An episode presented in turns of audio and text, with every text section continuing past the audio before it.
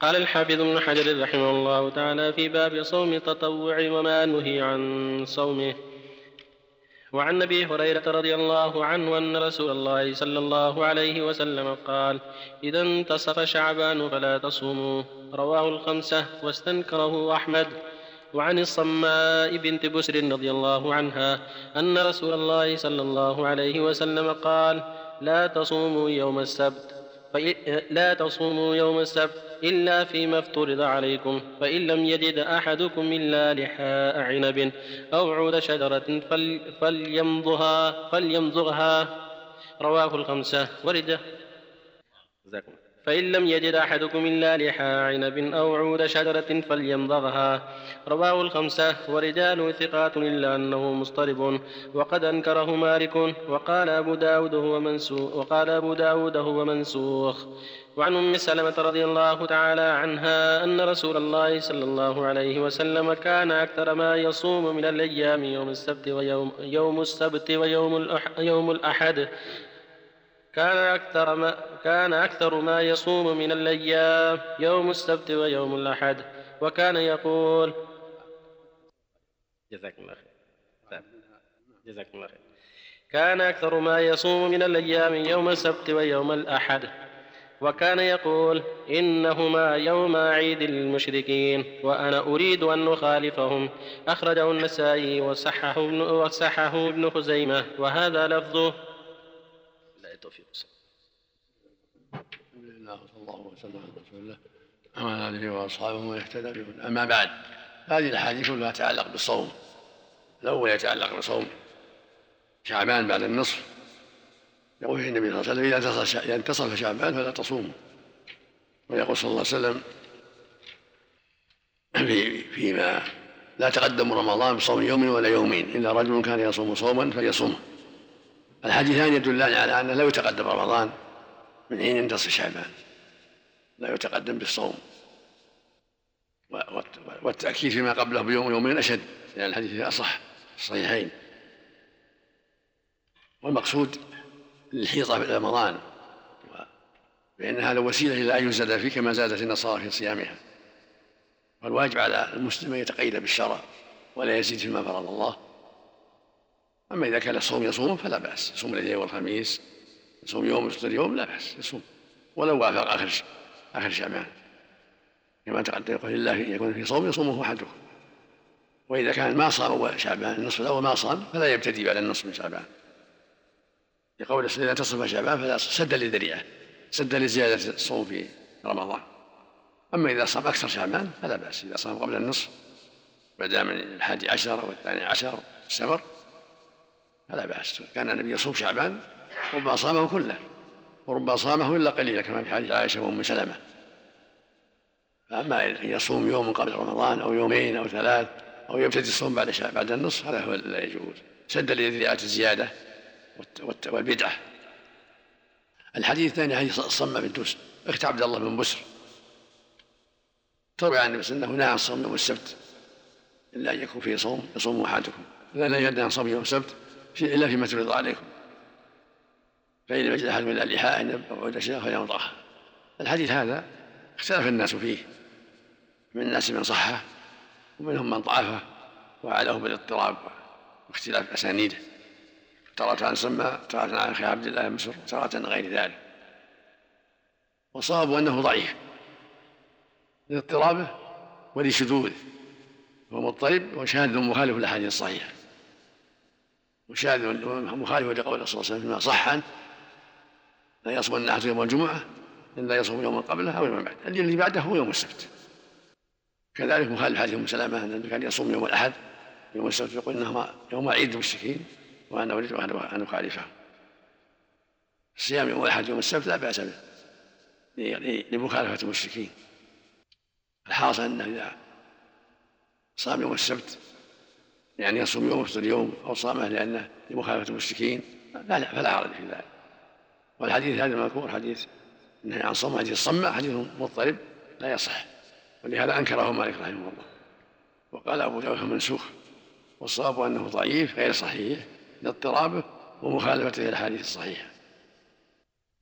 وفق الله الجميع. نعم.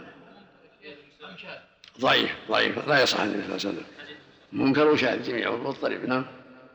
أم سلمة كان أكثر ما يصوم من الأيام يوم السبت.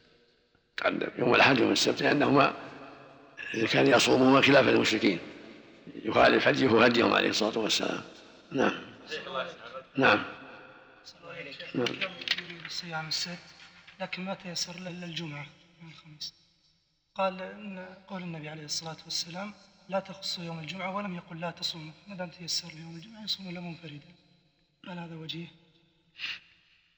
الله الاقرب لا, لا حرج اذا كان ما قصر يوم الجمعة مثل صادف يوم عرفة صادف يوم يصومه يوم يصوم يوم يفطر يوم. ما كان عنده فرصة يصوم إلا هذا اليوم لأعمال تمنعه. نرجو أن وإن ترك ذلك احتياط حسن إن شاء الله. إن ترك ذلك وصام معه الخميس أو السبت يكون أبعد عن شعبا هو صحيح؟ نعم. ما يخالف حديث العمران الصحيح الصحيح قال الرسول صمت من سرر شعبان. قال لا قال فإذا افطرت فصم يومين. لا ما هو صحيح. هذا غير صحيح. يوم السبت. وهذا فيه صوم سرارة هذا مختلف. ما هو فسر بوسط الشهر فسر بآخر الشهر. محل نظر. نعم. بعض أهل العلم المعاصرين حسن حديث الصماء وحملها على الإفراد. فقال الحديث لا لا لا مو صحيح ما قال ما قال في الفرد. قال فيما إلا أراد أن يجمع بينه وبين لا لا لا, لا هو صحيح. ما هو صحيح. أما لو قال إن لم انصوم يوما قبلها هذا قد يكون وجيه مثل ما قال في الجمعة. لكن قال لله في مفترض ذلك معنى انه ما يصام نافلة. وهذا باطل مخالف للأحاديث الصحيحة. والنبي قال لا تصوم الجمعه لا تصوم يوما قبله أو يوما بعده اللي بعده يوم السبت. وكان يصومه مع الأحد عليه الصلاة والسلام. يكون الحديث ثابت لكن مخالف للأحاديث ولا من الأصل ضعيف؟ الشاذ ما يسمى ثابت الشاذ ضعيف الشاذ ضعيف. وهذا شاذ مضطرب جميعا علتان إيش؟ للتحريم. هذا الأصل في النهي الأصل في النهي التحريم الرسول يقول ما نهيتم عنه فاجتنبوه وما أمرتم فاتوا ما استطعتم. هذا هو الأصل. صحيح الحديث يا شيخ. نعم. نهي عن الصوم شعبان؟ نعم صحيح. نعم. استنكر الامام احمد لعل لأن النبي كان يصوم شعبان إلا قليلا. أقول على الأجل وهذا لا يخالف. كان يصوم هو يصوم أكثر شعبان ربما صامه كله عليه الصلاة والسلام. فلا فلا مخالفة بينهم. نعم. حاشية لوجه استنكار الإمام أحمد. إيه. يقول لأنه من رواية العلاء بن عبد الرحمن صدوق ربما وهم. تقريب التهذيب. لا لا. العلاء ثقة. ومن رجال مسلم. روى عن مسلم بأسانيد عن أبيه عن أبي هريرة.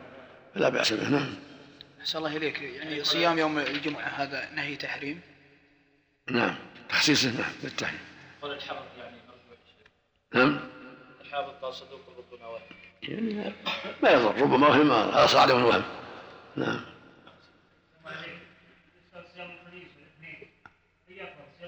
سنة سنة. يوم الاثنين والخميس أكثر أكثر أكثر فضل أكثر أجر. وأثبت الأحاديث الصحيحة. وإن صام ثلاثة أيام كل شهر كفى. الحمد لله. في أي وقت سواء صام في أوله أو في وسطه أو في آخره. أو في أيام البيض كله كله طيب. قال الحافظ ابن حجر رحمه الله تعالى في باب صوم التطوع وما نهي عن صومه.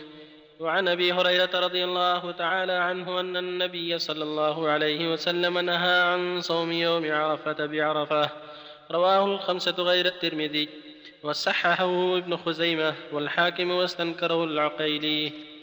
وعن عبد الله بن عمر رضي الله عنهما قال قال رسول الله صلى الله عليه وسلم لا صام من صام الأبد.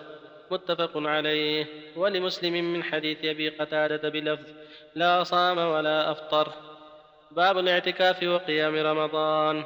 عن أبي هريرة رضي الله عنه أن رسول الله صلى الله عليه وسلم قال من قام رمضان إيمانا واحتسابا غفر له ما تقدم من ذنبه متفق عليه.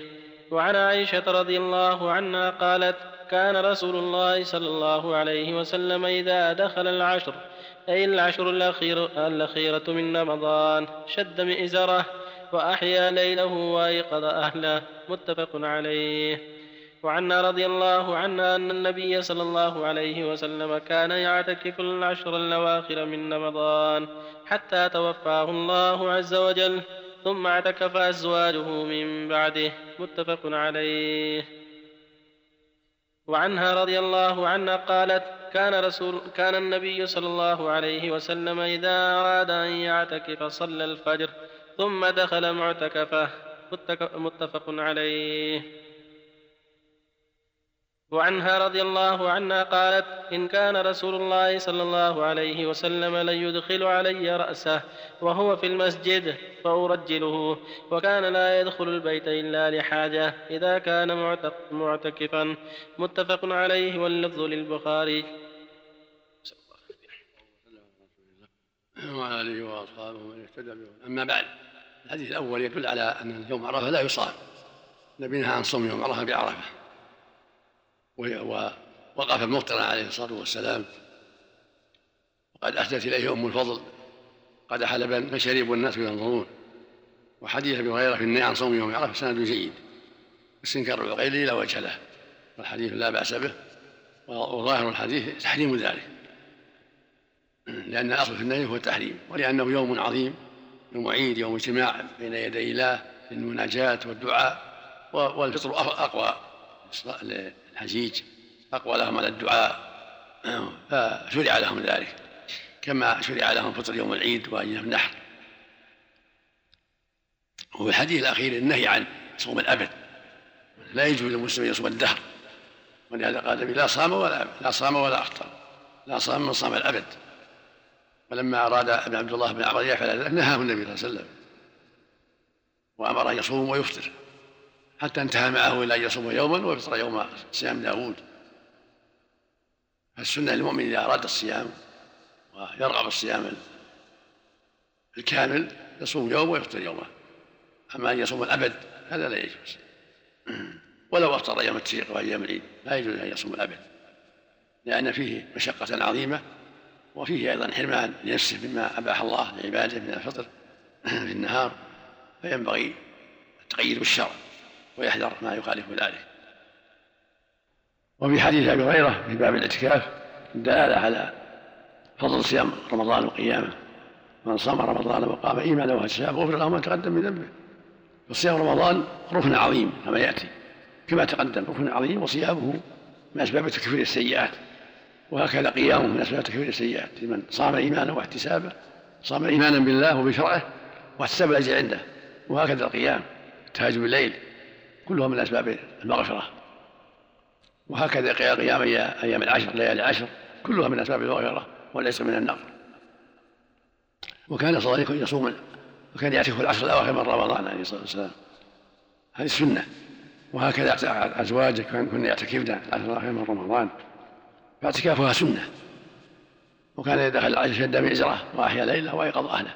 هذا يفيد أنه ينبغي لأهل الإيمان النشاط في العشر الأخيرة والتشمير إلى طاعة الله وإذا تيسر الاعتكاف فهو أفضل لأنها أيام عظيمة وهي أفضل الليالي وفيها ليلة خير من ألف شهر ليلة القدر فيشرع للمؤمنين والمؤمنات العناية بهذه الليالي والحرص على قيامها لما فيها من الخير العظيم والليلة المباركة وهي من أسباب المغفرة لكن لابد أن يكون عن إيمان واحتساب لا رياء ولا سمعه بل عن إيمان بالله ورسوله وتصديق ورغبة فيما عند الله هذا هو الذي ينفع. الحديث الثالث حديث عائشة أيضا كان صلى إذا أراد يعتكف صلى الفجر ودخل معتكفه هذه السنة. اراد يعتكف العشر يبدأ بعد صلاة الفجر من يوم الحادي والعشرين. يدخل معتكفه صباح يوم الحادي والعشرين. والسنة أن يعتكف في هذه العشر ليلا ونهارا والمعتكف يجتهد في قراءة القرآن في التسبيح والتهليل في الصلاة في أنواع العبادة في المسجد. قال الله تعالى ولا تباشرون وأنتم عاكفون المساجد. يجتهد في أنواع الخير التي تصلح المساجد. ولا مانع أن يتحدث مع أهله ولا مانع أن يتحدث مع ضيفه كما زار الصفية النبي صلى الله عليه وسلم تحدث معه معتكف عليه الصلاة والسلام. ولا بأس.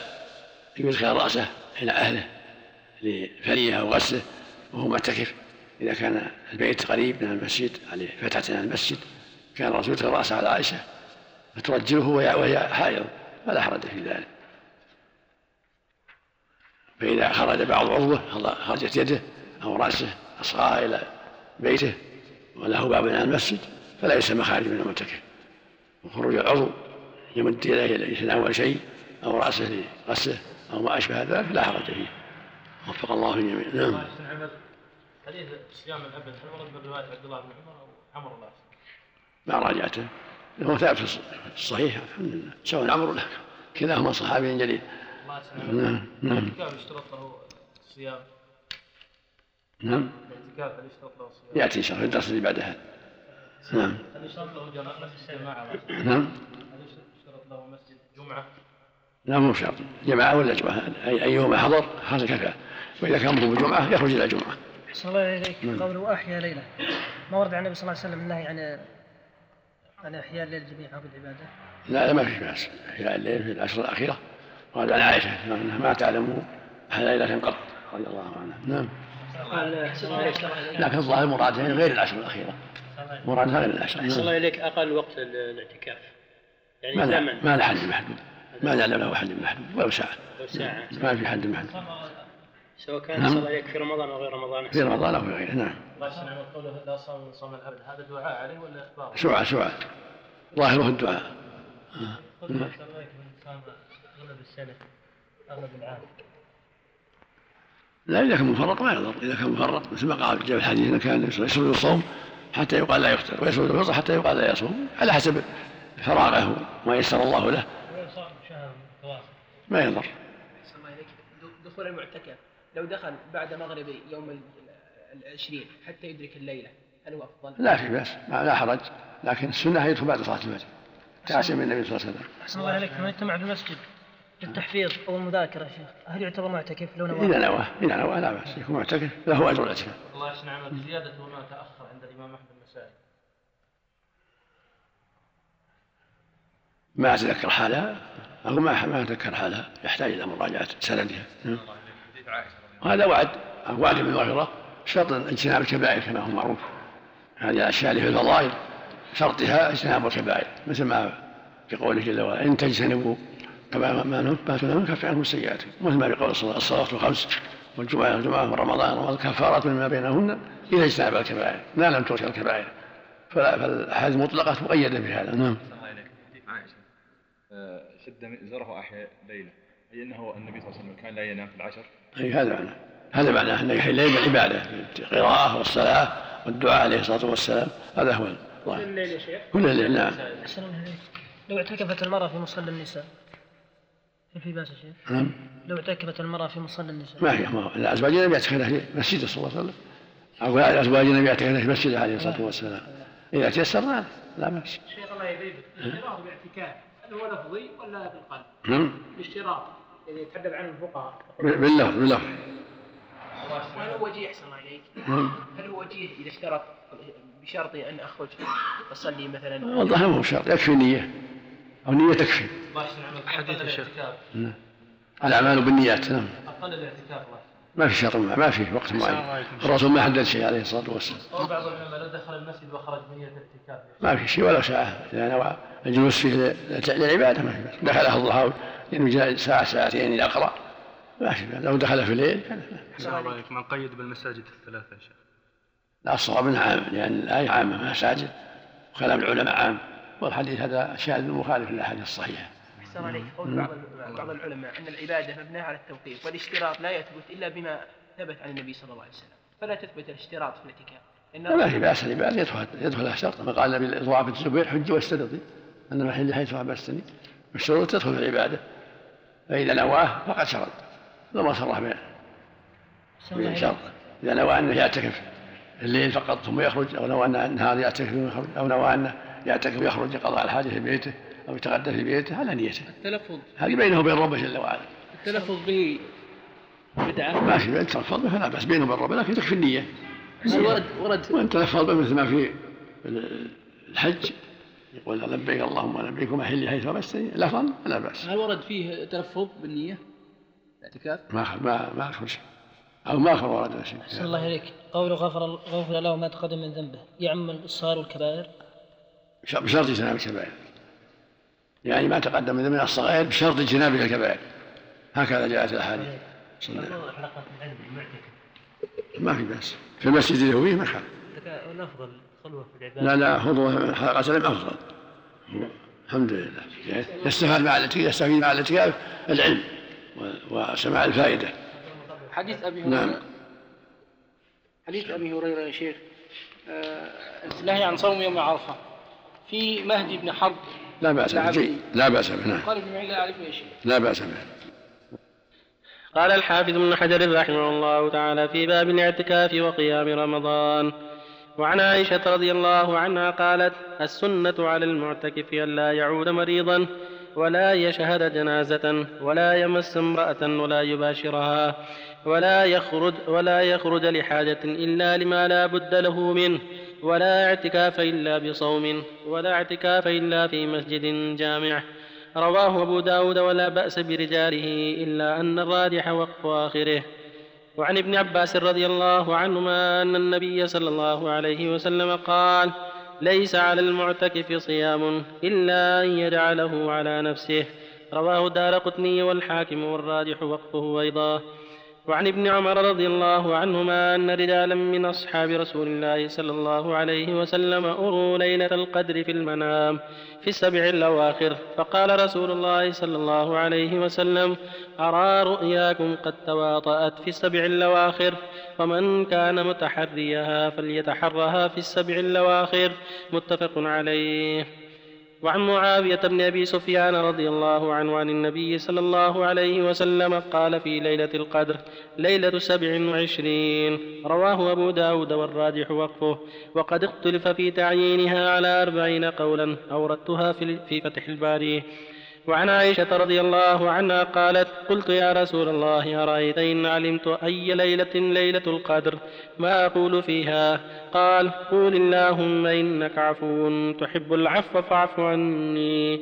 رواه الخمسة غير أبي داود وصححه الترمذي والحاكم.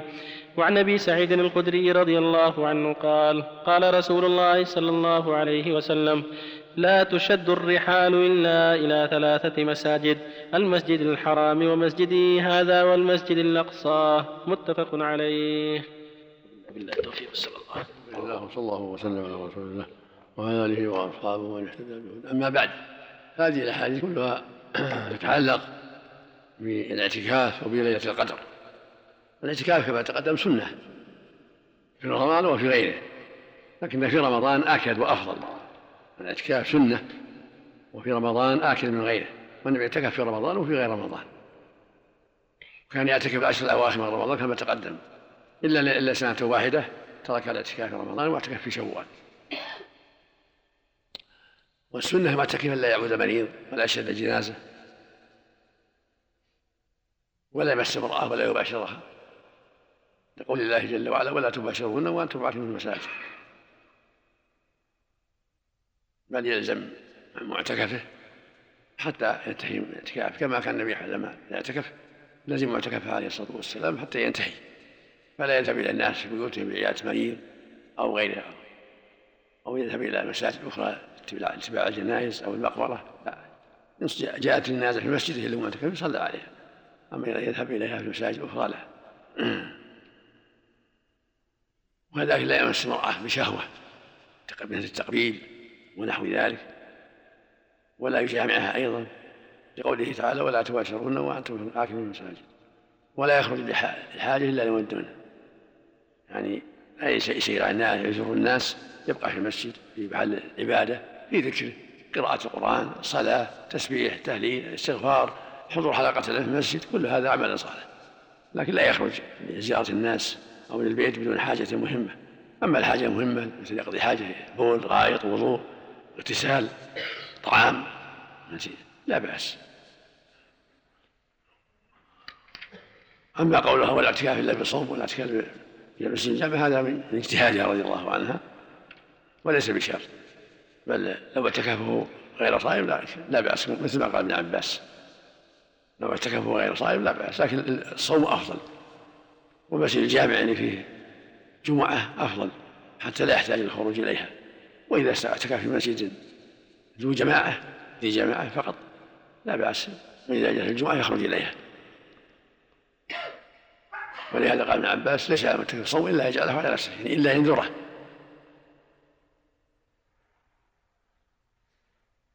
والحديث حديث ابن عمر حديث يقول صلى الله عليه وسلم لما تواطأت الرؤيا على السبع الأواخر قال أرى رؤياكم وتواطأ السبع الأواخر يعني ليس قدر. فمن كان متحريها يعني الليلة. فليتحرها في السبع الأواخر.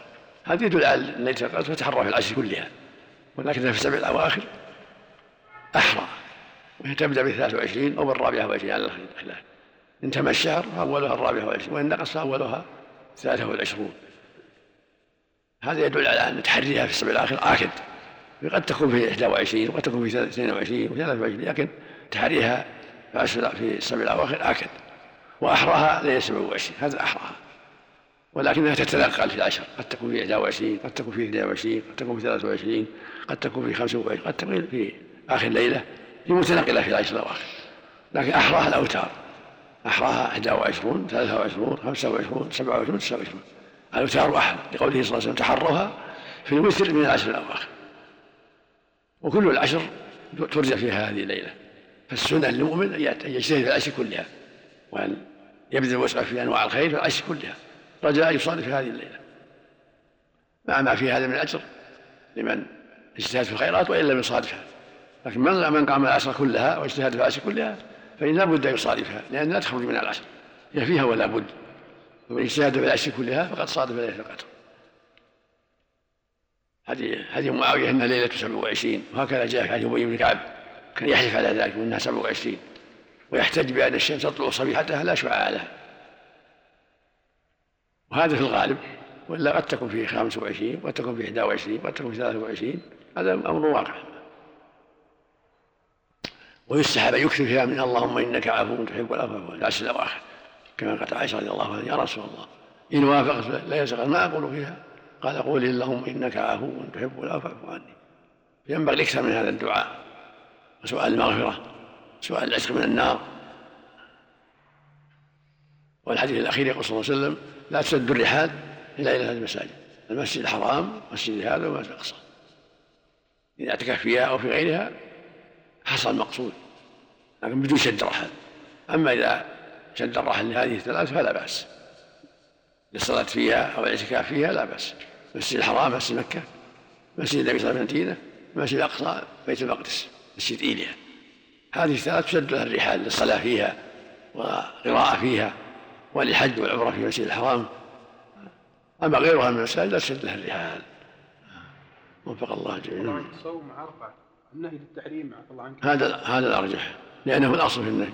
كذلك صوم الدهر. الأصل الأرجح. هي التحريم؟ لا صام ولا أفطر هذا التحريم. هذا الأصل. هذا الأصل. أحسن الله إليك. إذا قبل المعتكف هل اعتكافه باطل؟ محتمل لكن عليه توبة والاستغفار. ويحتمل يجدد النية ويحتمل لا يبطل الا بالجماع لأن الحديث لا تباشرهن يشمل الجماع وغير الجماع. كذلك أثر عائشة يمس امرأة ولا يباشرها يشمل الجماع وغيره. قول عائشة لا يباشرها مرفوعا.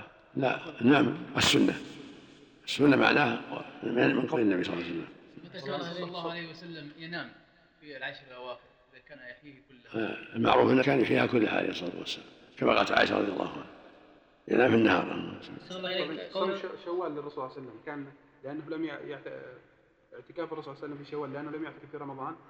صار منافسة بين النساء بين أزواجه فمنعهن من الاعتكاف ولم يعتكفوا. ثم اعتكف في شوال. عليه رواية اعتكف عشر في رواية اعتكاف 20 ليلة من رمضان من شوال. ويدل على جواز الاعتكاف في رمضان وفي غيره وأنه لا يشترط العشر لو اعتكف 20 أو 30 أو يوم أو يومين.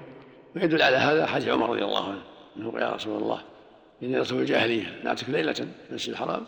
قال الرسول أو في بلدك هذا يعيد أنه لا, لا يلزم الصوم ولا يلزم النهار ولو اعتكف في الليل أو نذر في الليل. كفى. والحمد لله والحمد لله. عفى الله عنك منه. أن الرسول اعتكف في شوال. صحيحين أو في أحدهما نعم. قوله الراجح وقف آخر المقصود بها لا اعتكاف إلا بصوم. هذه الجمعة الأخيرة. في رمضان بعض الناس يذهب إلى بلد أخرى لأجل أن يصلي مع قارئ قراءته حسنة في رمضان.